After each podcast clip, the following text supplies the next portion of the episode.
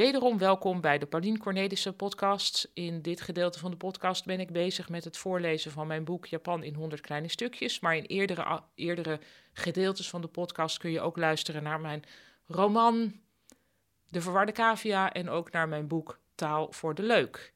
En ik noem hier ook eventjes degene die de montage doet van deze podcast. Dat is mijn eigen man, ook wel beter bekend als man met microfoon. Luister ook naar zijn podcast. Bedankt Chris Baayema. En dan nu nog iets over het boek wat ik nu aan het voorlezen ben. Zoals je misschien merkt, um, het zijn allemaal losse stukjes, maar ze hebben wel iets met elkaar te maken. Toen ik het schreef, dacht ik, het lijkt me leuk als elk stukje eigenlijk het volgende stukje uitlokt, als een soort estafette. Het vorige hoofdstuk ging over de dichtcultuur um, in het oude Japan. Dus ik ga nu ook nog eventjes door met het oude Japan.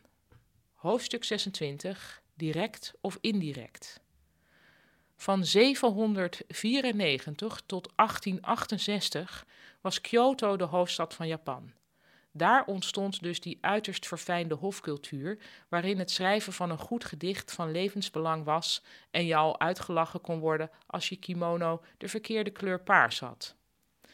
De macht is inmiddels weg uit Kyoto, maar er is in die stad nog steeds iets merkbaar van die omzichtige codes die golden aan het hof. Als je er bijvoorbeeld op visite gaat en de gastvrouw zegt: Wilt u wat thee met rijst?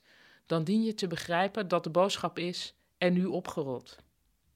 In Nederland heb ik wel eens gehoord van iemand die haar pyjama aantrok om het bezoek weg te krijgen. Tot zo'n drastische maatregel hoefden Kyoto's zich dus nooit te verlagen. De Japanse cultuur wordt over het algemeen gezien als een indirecte, maar eigenlijk is het behoorlijk direct, als je maar weet wat wat betekent. Toen ik net Japans leerde, vond ik het vooral heel aardig dat ik de hele tijd te horen kreeg: Goh, wat kun je goed Japans? Inmiddels begrijp ik dat er bedoeld wordt: je ziet er niet alleen uit als een buitenlander, je klinkt ook nog eens zo.